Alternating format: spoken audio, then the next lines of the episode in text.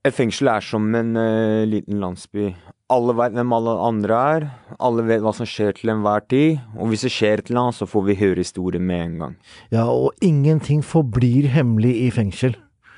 Fordi akkurat som nabokjerringa som får uh, vite akkurat hva naboen gjør, får vi vite hva som skjer i nabocella med en gang. For mens vi ligger og ser på en film, eller uh, ligger og sover, så plutselig begynner cella å knuse. Vi hører at det blir rop og skrik, og at alt blir ødelagt. Og det det ender med da, det er at eh, naboen vår da går i full psykose og får for seg ting som psykisk, gjerne psykisk syke mennesker gjør. De blir bare verre og verre, og plutselig så blir det bare helt stille. Og det kan ende med at den personen har faktisk tatt livet av seg. Så derfor i dag er eh, sendinga ekstremt viktig for oss. Jeg tror jeg har fått øye på de mistenkte. Over. Hva ser du? Over. De har gått inn en dør. De slår på noe som ser ut som en eh, maskin. Nå går de bort til et høyt bord med noen svarte ting. Kan se ut som et våpen. Over. Ja, vent. Får videre instruks. Over. Nei, vent! Det kommer på en rød lampe. Over. Røverradioen. Norsk fengselsradio. Hei, mitt navn er Martin. Jeg er her i Halden fengsel eh, med min gode kollega Hassan. Hei, hei.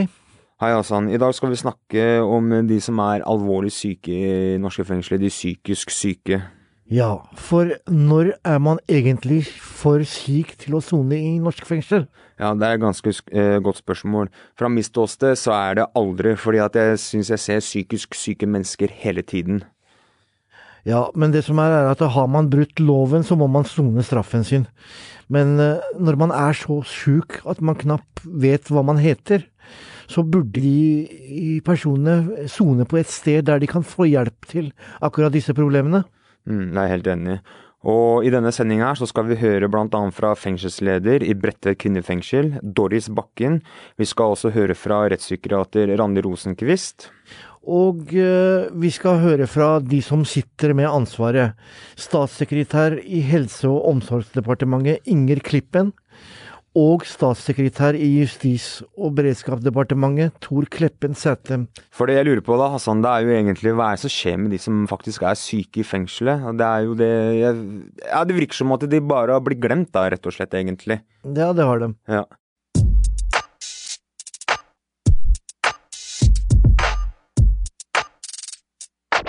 Men aller først så skal vi høre hva Sivilombudsmannen sier om de som er i norske fengsler, da, og hva bruk av tvangsmidler eh, gjør med personer som er psykisk syke. Men uh, hva er det slags tvangsmidler vi har i fengsla, Hassan? Ja, For å si det først uh, for å, At At tvangsmidler blir brukt i ekstreme situasjoner. Og det er flere tvangsmidler som fengselet har. Det ene er gass, som er egentlig CS-gass, tåregass. Mm. Og andre er sikkerhetscelle. Og det er egentlig bare et uh, tomt rom med en madrass og en toalett i gulvet. Og så har vi ennå en sånn derre sikkerhetsrom, eller sikkerhetsseng. Der du blir rett og slett Det er en sånn belteseng der du blir reima fast, da. Sånn at ikke du kan røre deg. Ja. Og da, sånn som jeg husker riktig, da, så er det en person som sitter ved siden av, følger med hele tiden. Mens du bare ligger der og spreller og ikke har det bra, da. Ja. ja. Eh, Hassan, så må jeg bare spørre, da. Eh, en sivilombudsmann, hva er det det egentlig er? Jo, eh, det vet jeg fordi jeg har faktisk snakka med dem. Og for de jobber for at ingen skal utsettes for urett for forvaltningen. Ja. Og de har uh, en egen avdeling, en sånn forebyggingsenhet, da, som uh, passer på at mennesker som er fratatt friheten, behandles på en god og respektfull måte. Og det gjelder bl.a. vi som sitter i fengsel. Ja, ok. Ja, riktig, riktig, riktig. Fordi at uh, da Røverradioen, skjønner du, spurte sivilombudsmann Hanne Harlem om hva, ja, hva, de egentlig mener da, om behandlingen av psykisk syke i fengselet, når det gjelder da bl.a. Eh, sikkerhetscelle og reimseng og ja, disse her eh, gasser og sånt. da. Ja. Så svarte hun på dette her. Vi har jo sett alvorlig på det. Vi har laget en særskilt melding til Stortinget om isolasjon. Uh, hovedfunnet i belteleggingen er gått i årsmeldingen til Stortinget. Uh, vi mener jo at en del av den norske praksisen er i, i strid med menneskerettslige standarder som Norge sier at vi skal følge, men vi mener at man ikke følger det. Og da betyr det på en måte per definisjon at vi mener at dette er alvorlig. Mm. Og så har vi nylig også laget en rapport som dreier seg om beltelegging i sikkerhetsseng. Den er basert på Det er egentlig en oppsummering av eh, mange besøk over de siste fem årene. Hvor vi sier at um, Altså det er jo ikke mange beltelekinger til sammen. Men, men det både de enkelte beltelegginger som vi har gått gjennom og sett på vedtak, eller mangel på vedtak og logg og sånn, de er uh, delvis uh, kanskje ikke godt nok begrunnet i det enkelte tilfellet. Og i alle fall så er de for langvarige. Det er eksempler på at du blir lagt i belter, og så roer du deg ned, men så blir du liggende i beltet likevel. Og vår anbefaling i den belteleggingsrapporten er jo at man ikke lenger skal bruke belter i fengsel. Og når du driver så alvorlig selvskading at ikke en sikkerhetscelle er godt nok for å hindre selvskading, men du må faktisk bindes i barmer og ben, da er du i en situasjon hvor du trenger hjelp. Eh, og den hjelpen hører hjemme andre steder enn i fengselet. Ja, det var jo egentlig ganske klar tale fra Sivilombudsmannen. Ja, øh, jeg sitter med en rapport fra Kriminalomsorgen. Mm. Og i Kriminalomsorgen i årsrapport 2019 så skriver de at det er en økning i antall utagerende psykisk syke innsatte.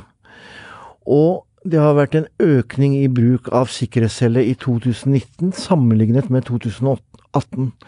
Samtidig så er det urovekkende økning i rapport, rapporterte antall tilfeller av vold og trusler i fengsel. Ja, ja det har vi jo sett uh, klart og tydelig, egentlig. Så, men hva er det De som sitter på toppen, de som styrer fengslene, hva tror du de tenker om denne situasjonen kriminalomsorgen nå er i, da? Så det skal vi finne mer ut av. Så vi skal sette over til Bredtvet kvinnefengsel og høre fra vår røver-Tina, som sitter klar med fengselsleder Doris Bakken. Når er man for syk til å sone dommen sin i fengsel? Mitt navn er Tina, og i dag skal vi snakke om et vanskelig tema. Så før vi fortsetter, vil jeg bare komme med en liten advarsel. Om du sliter med psykisk sykdom, så kan det vi tar for oss nå, være vanskelig å høre på. For i dag skal det handle om hvordan psykisk syke blir håndtert i fengselssystemet. Og derfor har jeg invitert ned sjefen i dette fengselet, fengselsleder Doris Bakken. Velkommen hit. Tusen takk. Tidligere på Røverradioen har vi fortalt historien til Gro Anita Flaen Sagstad. Hun opplevde bl.a. å bli lagt i belteseng, eller sikkerhetsseng som det heter på fagspråket, flere ganger mens hun sonet her på Bredtvet fengsel. Er du heldig og kommer i den ene cella der nede, så er det uten belter. Du får ikke lufting, du får ikke dusje. Altså Når du ligger i belter, så må du tisse i et bekken. Mens noen holder det.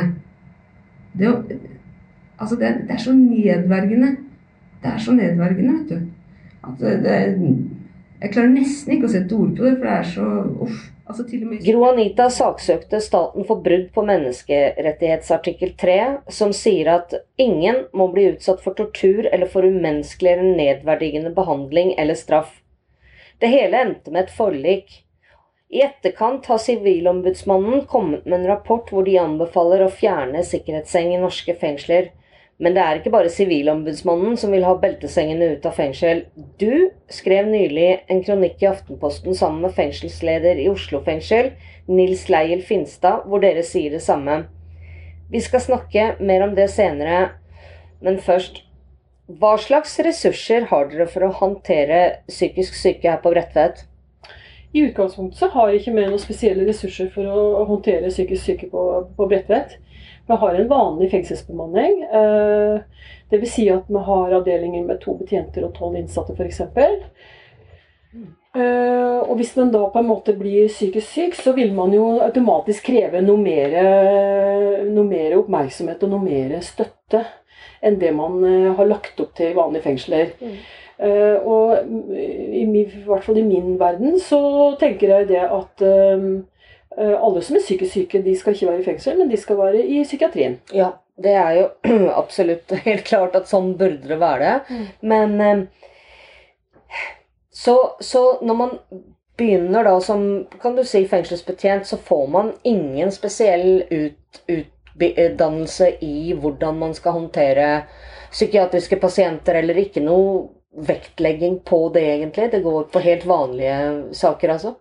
De, de, har jo psykologi og, og, litt sånn Altså, de har masse uh, fag knytta til uh, til det å være, altså håndtere mennesker og være, mm. jobbe med mennesker. Mm. Men det er ingen som har en psykiatrisk uh, utdannelse av fengselsbetjenter. Det ligger ikke i fengselsbetjentutdanningen. Nei. Um, altså, hva slags konsekvenser får det da for eh, resten av fengselet når, som du sier, de psykisk syke krever ekstra, ekstra attention, liksom? Mm. Så hvordan påvirker det resten av fengselet? Jo, for oss, da. For det her er sikkert litt forskjellig rundt omkring i de forskjellige fengslene. Men for oss så er det sånn at eh, når vi trenger da mer oppmerksomhet eh, knytta til psykisk syke, mm. eh, enten fordi de er selvmordstruende eller at de driver med alvorlig selvskading ja. eller slike ting, så krever jo det at flere av personalet fra de andre avdelingene må gå dit mm. og bistå. Det gjør jo at uh, innsatte i de andre avdelingene mm. Da får de mindre oppmerksomhet, ikke minst. Uh, de får mindre oppmerksomhet knytta til sin egen uh, løslatelsesprosess, sin soningsprosess og de tingene man skal ordne med mens man soner dommen sin. Mm. Og det syns jeg også er veldig alvorlig, for vi jobber jo for at folk skal kunne bruke soninga si på aller best måte for Absolutt. å bli løslatt og til den, til den best mulig Eh, situasjonen ute etterpå, ja. og skal være rusta. Og for at vi skal få brukt energien til det, så er det jo viktig at eh, betjentene får være til stede i de avdelingene og jobbe sammen med de innsatte som de ja. har ansvar for. Mm. Eh, I hvilke tilfeller er det dere bruker sikkerhetsseng? Det er når det er strengt nødvendig for å hindre skade på seg selv. For i Sivilombudsmannens rapport fra tidligere år så kommer det jo fram at kvinnelige innsatte blir lagt eh, i belteseng fem og en halv gang så ofte som uh, sine mannlige, eller som mannlige innsatte. Og da lurer jeg, er, er det noen forskjell på hvordan eh, mannlige og kvinnelige psykisk syke blir behandla i norske fengsler? Ja, det er jo det. Altså I prinsippet så er det ikke det. Fordi i prinsippet så har vi jo de samme reglene for menn og kvinner. Mm. Men så er det sånn at øh, Og det har de jo gjort en veldig stor jobb på i forhold til manns, øh, mannssiden. At de har fått til et, en ressursavdeling på, på Ila for menn. og øh, det er ikke på langt nær nok, for det er mange andre psykisk syke menn også i fengslene. Men, men iallfall så har de kommet et, et, et stykke på vei. Ja. Det tilbudet har ikke kvinner. Det fins ingen ressursavdeling for eh, kvinner, eller ressursteam, som de har på Irland. Når du sier ressursteam, betyr det da at det er betjente med mer spisskompetanse mot eh, eh, retta direkte mot psykiatriske pasienter og Ja, da tenker jeg jo at både styrka at det er betjenter som har mm. spesielt, spesielt ansvar i den i den uh, gruppa. Men kanskje også helsefaglig personal, hvis man hadde fått med helse. Men det er klart, For som kvinne så føler jeg at eh, det er jo ganske skremmende å vite det at jeg har nesten seks ganger så stor mulighet for å bli lagt i en belteseng som, som en hvilken som helst mannlig innsatt. Det er jo ikke bra odds. Nei, altså hvis du er psykisk syk, ja. Eh, så, så er jo det og det er jo det, det er jo det som jeg mener også i den artikkelen, at det er alvorlig når når vi har eh, innsatte som er i en sånn krise mm. eh, at de ikke klarer å tenke på at de skal leve, så blir de lagt i belteseng. Jeg eh, skulle veldig gjerne ønske at vi kunne hatt andre tiltak. Først og fremst i psykiatrien, men når jeg snakker om ressursteam, så handler jo det om også forebyggende tiltak. Mm. Fordi når vi har to, person, to betjenter på tolv, så, så, klarer vi ikke å, å, opprette på en måte de tiltakene som skal til for å kanskje ivareta og forebygge da, Og det ser vi jo også, at når vi har eh, lite innsatte eh, av og til, Mm. så eh, går også bruken av sikkerhetsavdelingen ned. Nettopp fordi at da har betjentene bedre tid. Altså, jeg har jo bodd rett under den avdelingen hvor det ofte blir plassert psykisk syke innsatte. Og for egen del så kan jeg bare si at det er jo fryktelig vondt å høre mennesker skrike og være helt opplagt i en livskrise og vite at det er ingen som kan hjelpe, og man kan sjøl ikke hjelpe. Man føler en fryktelig maktesløshet. Så akkurat her på Bredtvet så er det jo forferdelig at vi Tross alt det er Norges største kvinneanstalt. At det ikke finnes noe tilsvarende tilbud for kvinner som det gjør for menn. For det, det går jo utover alle oss som sitter her, på en måte. Og hvis man tenker at eh, vi skal bedre ut, da, som du var inne på i stad, Mm. så er det jo mm, veldig vanskelig for to betjenter som da på avdelingen hvor det er normale innsatte, da, normale i gåseøyne innsatte, og som må løpe opp der for de trengs et annet sted. Hvordan skal man klare å ta fatt i egen soning og gjøre det man behøver? Det er jo veldig sørgelig, bare hele saken. Altså, Videre uttalte jo Sivilombudsmannen at mange kvinnelige innsatte har vært utsatt for overgrep og ulike former for seksuell utnyttelse, og at dette er forhold som klart gir risiko for å øke den krenkende opplevelsen ved å bli beltelagt. Den Mm. krenkende opplevelsen ved å bli beltelagt. Mm. Hva tenker du om akkurat dette? Nei, jeg tenker at det er riktig. eh, og det er, jo, det er jo noe av det som jeg på en måte også tar veldig hensyn til. For vi vet at kvinner For det første så er man som kvinne skapt litt annerledes. Sånn at man er mer sårbar, både fysisk og, og, og ja, altså kroppslig, da. Ja. Eh, Biologisk. Og mange kvinner har, som du sier, veldig uh, uh, mange dårlige eh, opplevelser i, i livet sitt. Eh, Så derfor så prøver vi alltid å ha kvinner eh, i- under visiteringen og slekting. ting. Også eh, på, på sikkerhetsavdelingen. Mm. Det var det jeg tenkte på. Så, så prøver vi så langt det lar seg gjøre å bruke kvinnelige betjenter både til, både til visiteringen, hvis man skal gjøre det, og til eh, Altså når du har eh, Bekken belte- belting og sånn. belteseng, Mm. så må du Med sikkerhetsseng, da. Så må du sitte Så sitter det alltid en kvinne ved siden av. Ja. Det, men jeg sitter jo alltid ved siden av hele tiden. Fordi det er um, farlig. ikke sant? Hvis Ja. du blir kvalm og du er kaster klart. opp, så er det kjempefarlig. Så vi Ja. må ha noen der.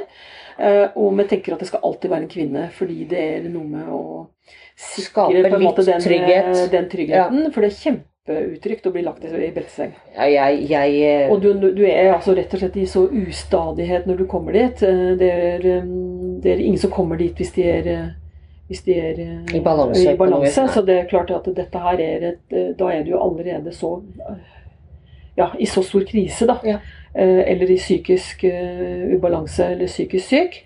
At eh, det er viktig også å ivareta og trygge så godt det lar seg gjøre. Mm. Rapporten konkluderer også med at ehm, ja, det har du for så vidt eh, svart på, at eh, det er høy risiko for umenneskelig behandling. Mm. Og dere vil jo ha sikkerhetssenga ut av fengselet.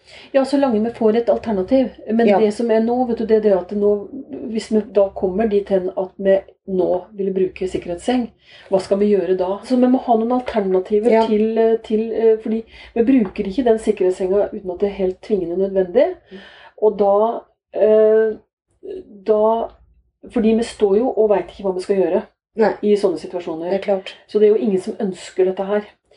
Men um, tror du at beltesengene kommer og blir fjerna fra fengselet? Altså Jeg må jo bare si det at nå har jeg jobba altså nesten i 30 år i kriminalomsorgen, og vi har jo snakka om dette her veldig lenge. Ehm, Jeg er litt usikker på om det jeg er Litt sånn usikker på om vi klarer å Om det noen gang kommer til å skje. At vi klarer Ja. å få det til. Det handler om en, ehm, en forståelse av syk, syk, altså selvmord og sykdom. Mm. Um, om selvmord er sykdom, uh, og hvorvidt de er soningsdyktige, og hvor skal de være da? Altså, dette her er så Men hvem, hvem syns du burde ha ansvaret for disse alvorlig syke som fengselsvesenet nå håndterer da? Jeg, jeg mener at det må være helsevesenet. Ja. Så det, jeg har bare lyst til å si en ting til også, Ja. i forhold til det med Det er viktig at vi ikke mister øh, fokuset øh, på denne problemstillingen. Fordi at man er en, øh, en liten gruppe eh, akkurat i kriminalomsorgen, så er det faktisk sånn at det er 50% kvinner i det landet her. Og det Ja. gjelder, det anligger alle kvinner. Er klart ja. At vi har et likeverdig forhold eh, mellom kvinner og menn og de tilbudene som skal gis. Godt sagt. Det var en fin avslutning, syns jeg. Da sier jeg tusen takk for at du ville komme hit, fengselsleder i Bredtvet kvinnefengsel, Doris Bakken. Og så fortsetter vi kampen videre. Yes. Yes.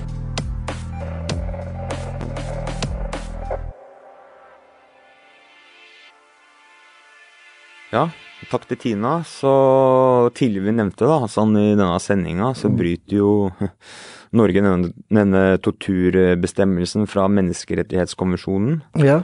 med dagens praktisk.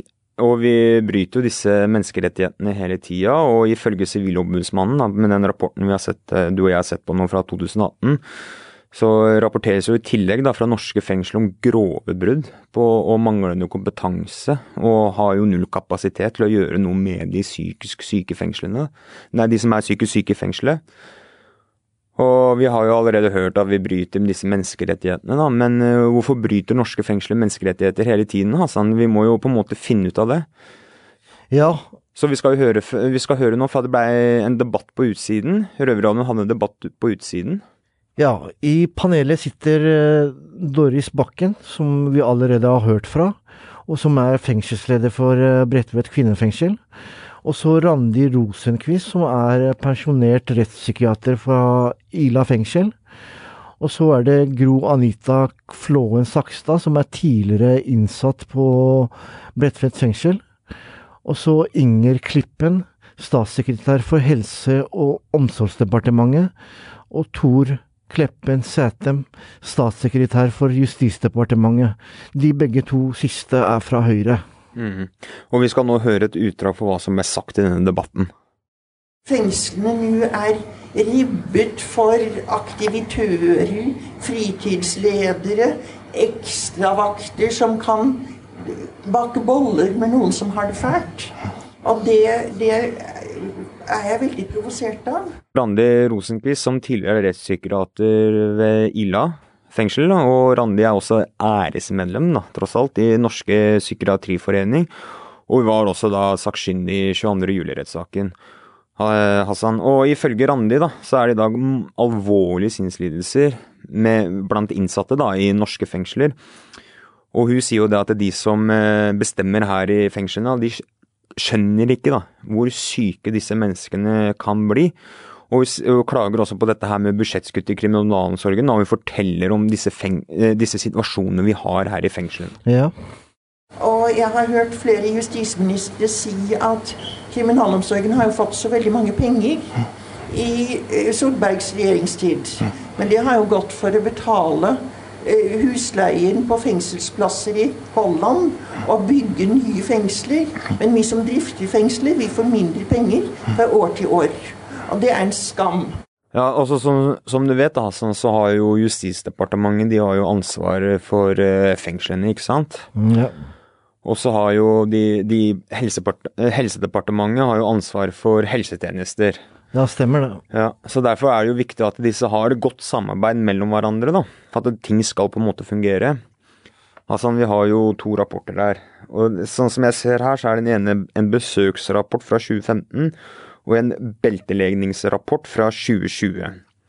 Og Der eh, kritiserer departementene da, for justis og helse for å ha for dårlig samarbeid da, og kommunikasjon seg imellom.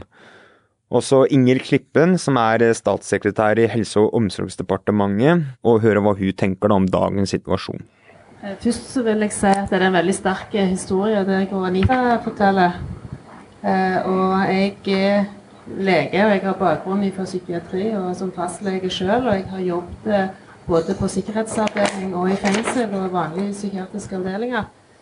Eh, Og jeg har ikke noen gang vært borti at det har vært nødvendig å legge noen i belte over en så lang tidsperiode.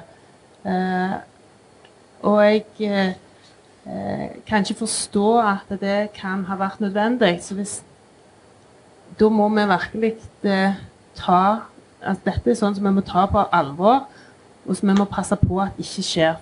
For det, det skal ikke noen oppleve i norske fengsel.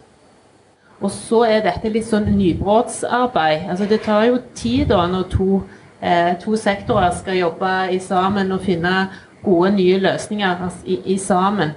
Eh, så eh, det ble nevnt at det ikke er samme tilbudet til damer som nå blir bygd opp eh, for menn. Så må jeg si det at det er nybrottsarbeid, og at en lærer jo ifra det som en har gjort på Ila, og at en har jo eh, ambisjoner om eh, å få til tilsvarende tilbud eh, til damer. Det er ikke sånn at det skal være forskjell i helsehjelp eh, ut ifra kjønn. Det, det er, der er vi, det er vi forbi. Sånn skal vi ikke ha det. Ja, Hassan, og så skal vi høre Tor Kleppe Sattem, som er eh, statssekretær i Justis- og beredskapsdepartementet, og han mener at vi har en hel del å gå på. Ja, det kan man pent si. Ja. La oss nå begynne med kanskje det aller viktigste først, eh, nemlig at eh, jeg tror vi har en ganske brei felles forståelse av at det er mye å gå på. Det, vi er langt unna der vi skal være. Um, og ja, jeg syns jo helt klart at det skal være et klart mål om at vi ikke skal bruke sikkerhetsseng i norske fengsel. Uh, og det, det, har jo vært en økt bevissthet om at vi må arbeide for å finne løsninger som gjør at vi ikke trenger å ty til det. Det betyr langt ifra at vi er i mål, men, men jeg finner en ørliten trøst i at det tross alt er helt unntaksvis at det skjer. Og den, eh, Det forliket som ble inngått eh, for noen måneder tilbake, og jeg var jo sjøl involvert i det den gangen det skjedde, med den historien fra Gro Anita vi hørte her innledningsvis, eh, det var jo fra vår side også et, et forsøk på faktisk å signalisere at vi er ikke fornøyd med sånn som tingenes tilstand har vært, og vi mener at vi har noe å gå på. Jeg tror egentlig den største utfordringa vi har, ja, det er faktisk å, å, få til et samarbeid som i det løpende daglige arbeidet fungerer bedre mellom helsevesenet og kriminalomsorgen. Men uh, jeg skal aldri late som noe annet enn at vi har mye å gå på. Jeg er helt enig i den uh, problembeskrivelsen. Rettspsykiater Randi Rosenquist uh, kan også fortelle at det er mange innsatte som faktisk trenger hjelp, og at dette problemet her, da, det er jo ikke akkurat noe nytt, Hassan? Nei, det er det ikke. Nei. Du nevner denne nasjonalt forsterket fellesskapsavdelingen som vi har fått. Men der skal vi ha seks plasser for de dårligste i hele Norge. Ikke de dårligste på Ila, men de dårligste mennene i hele Norge. Og det, det er jo å spytte i havet. Eh, men, men, vi har begynt så smått, og det vi ser, er jo at alle disse som, har, som sogner til Nasjonal forsterket fellesskapsavdeling, de er alvorlig sinnslidende. I den forstand at de har så stor realitetsbrist at de ikke kan forholde seg til virkeligheten. Og disse har, vi har prøvet og prøvet og prøvet å få dem inn i psykiatrien. Og det er nå én pasient som har vært isolert på Ila fra 11 til 17 før han kom inn i psykiatrien. Og da ble han bedre, og han saksøker staten. Og jeg har flere andre innsatte som ikke kommer inn i psykiatrien. Og vi bruker gjerne to og tre år på å få folk inn i psykiatrien. Hvis de kommer inn i det hele tatt. Og vi ser jo også at folk kommer til Ila som forvaringsdømte som såkalt tilregnelige, men de er jo psykotiske. Og det har gått både rettspsykiateren og domstolen forbi. Og da bruker vi to-tre år på gjenopptakelseskommisjon og dom til tvungen psykisk helsevern. Og, og få dem plassert. Og dette har vi slitt med i årevis. Men eh, det må jo egentlig være mellomting her, så hva skal være fremtidens løsning? Er det et eget fengselssykehus? Vi hadde jo situasjonen slik 58-80 at justis, eh, kriminalomsorgen drev fengselshelsetjenesten. Jeg kan jo si at den var ikke kvalitativt veldig imponerende. Men jeg vet jo at en del andre land har de fengselssykehus, og til dels store fengselssykehus. Og jeg har vært opptatt av at vi skal normalisere innsatte som pasienter. Jeg tror ikke det er heldig å lage et stort fengselssykehus hvor man har eh, B-pasienter, fordi at A-pasientene går i det sivile eh, helsevesen. Jeg, jeg tror ikke det er riktig for Norge. Og den erfaringen jeg har med fengselssykehus i andre land, er ikke kvalitativt imponerende. Da er det Doris først. Ja, jeg er helt enig med Randi. Jeg tror eh, noe av suksessfaktoren med denne, uh, dette samarbeidet med forvaltningspartnerne er uh, en av de veldig viktige metodene vi gjør i, i Norge. Og jeg tenker at de innsatte de skal ha det samme helsetilbudet som alle andre ute. Og jeg tenker at vi må klare å samarbeide. Og jeg tror vi klarer å samarbeide i veldig stor grad lokalt på fengslene. Uh, og jeg tror ikke det er uvilje fra psykiatrien, men jeg tror det er et gap for noen som, som liksom ikke passer inn noe sted. Vi har jo også mange innsatte som til, kommer i psykiatrien når de blir psykotiske, men vi har altså da noen som ikke blir psykotiske, men som da skulle ha trengt noe annet enn et fengsel. Og det er den gruppa der som er vanskelig for oss å, å finne ut av. Justisdepartementet da, kan uh, fortelle at en endring er på vei? Uh, nå sitter Inger og jeg, og vi vet en del ting om hva som kommer, men det er bare det at avslører vi ting her, så begår vi en straffbar handling. Uff da. altså, Jeg tør ikke tenke tanken på hva konsekvensen av det blir. Uh, så Derfor skal du få det kryptiske svaret. Ja. men det at altså, her er det store problem som vi står overfor, og det erkjenner vi alle over hele linja. Det kommer små drypp som gjør at vi går i riktig retning. Eh, og det mener jeg at det kommer vi til å gjøre både på enkelte grep som gjelder dem som virkelig har de største problemene, og fra vår side i Justisdepartementet så kommer det også i nær fremtid noen grep som jeg håper og tror vil flytte ressurser riktig vei, altså ut til den første linje, som jeg kaller det, altså ut til dem som, som sitter i, i den operative delen av kriminalomsorgen. Han som var debattleder her, var eh, vår egen røver, Simen Larsen, og hele debatten kan du se på eh, Facebook-sida til Røverradioen. Gro Anita Flan Sakstad, som vi nevnte i starten av sendinga, Hassan, hun mm. jobb, har jobba videre på innsattes eh, vegne da, for rettferdig behandling og sånt. Det er jo veldig bra. Ja, det er jo egentlig det.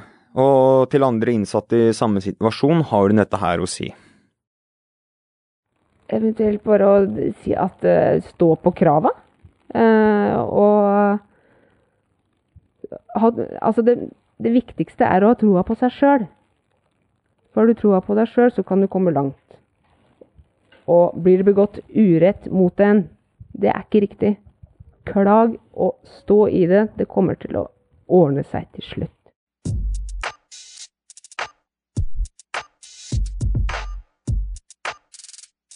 Nå nærmer denne sendinga seg slutt, eh, Hassan. Og eh, ja, sånn som hun, Randi Rosenkvist sier, da. Dette her er jo ikke noe nytt. Og denne debatten her har jeg hørt i flere år. Om at de, de som er syke, da, som sitter i fengsel, ikke har noe her å gjøre i det hele tatt. Og vi, jeg har sett flere eksempler på det gjennom disse årene nå. At uh, psykisk syke da bare hoper seg opp i norske fengsler og ikke får den hjelpa de trenger. da. Ja, nei, men eh, det, det, er sånn som du sier, at dette er ikke noen overraskelse for oss som uh, sitter i fengsel. Vi ser dette her daglig. Ja. Og, men uh, mens de driver og snakker om å, samarbeide, ja. så er det faktisk sånn at det, folk i norske fengsler som er psykisk syke, de rett og slett råtner. Ja. i norske fengsler, mens det blir bare diskutert. Ja, rett og slett så justis og helse må egentlig begynne å samarbeide sammen sånn, sånn som de vil, da. Ja. Men Hassan, vi er jo tilbake om en uh, uke, og du hører jo oss selvfølgelig hver søndag 20.30 på P2. 20.30. Ja, eller når og hvor du vil, som podkast. Ja, Hassan, også har vi en viktig ting å si til alle sammen, våre lyttere. Ja. Det er at uh, alle som har det vanskelig, det er, det er hjelp å få. Uh, du kan ringe Mental Helses hjelpetelefon, og hva er nummeret for noe, Hassan? Det er 116 123. 116 123. Ja, da er det bare én ting å si. Det er å takke for oss, eh, Hassan. Det gjør vi. Ja. Og så ta vare på hverandre der ute. Det har vært stille fra over en time. Hva skjer? Over. Det er bare et radioprogram. Det er lettere å høre på dem der. Over. Ja, vet du når det går, da? Over. Det er samme tid og samme sted neste uke. Over.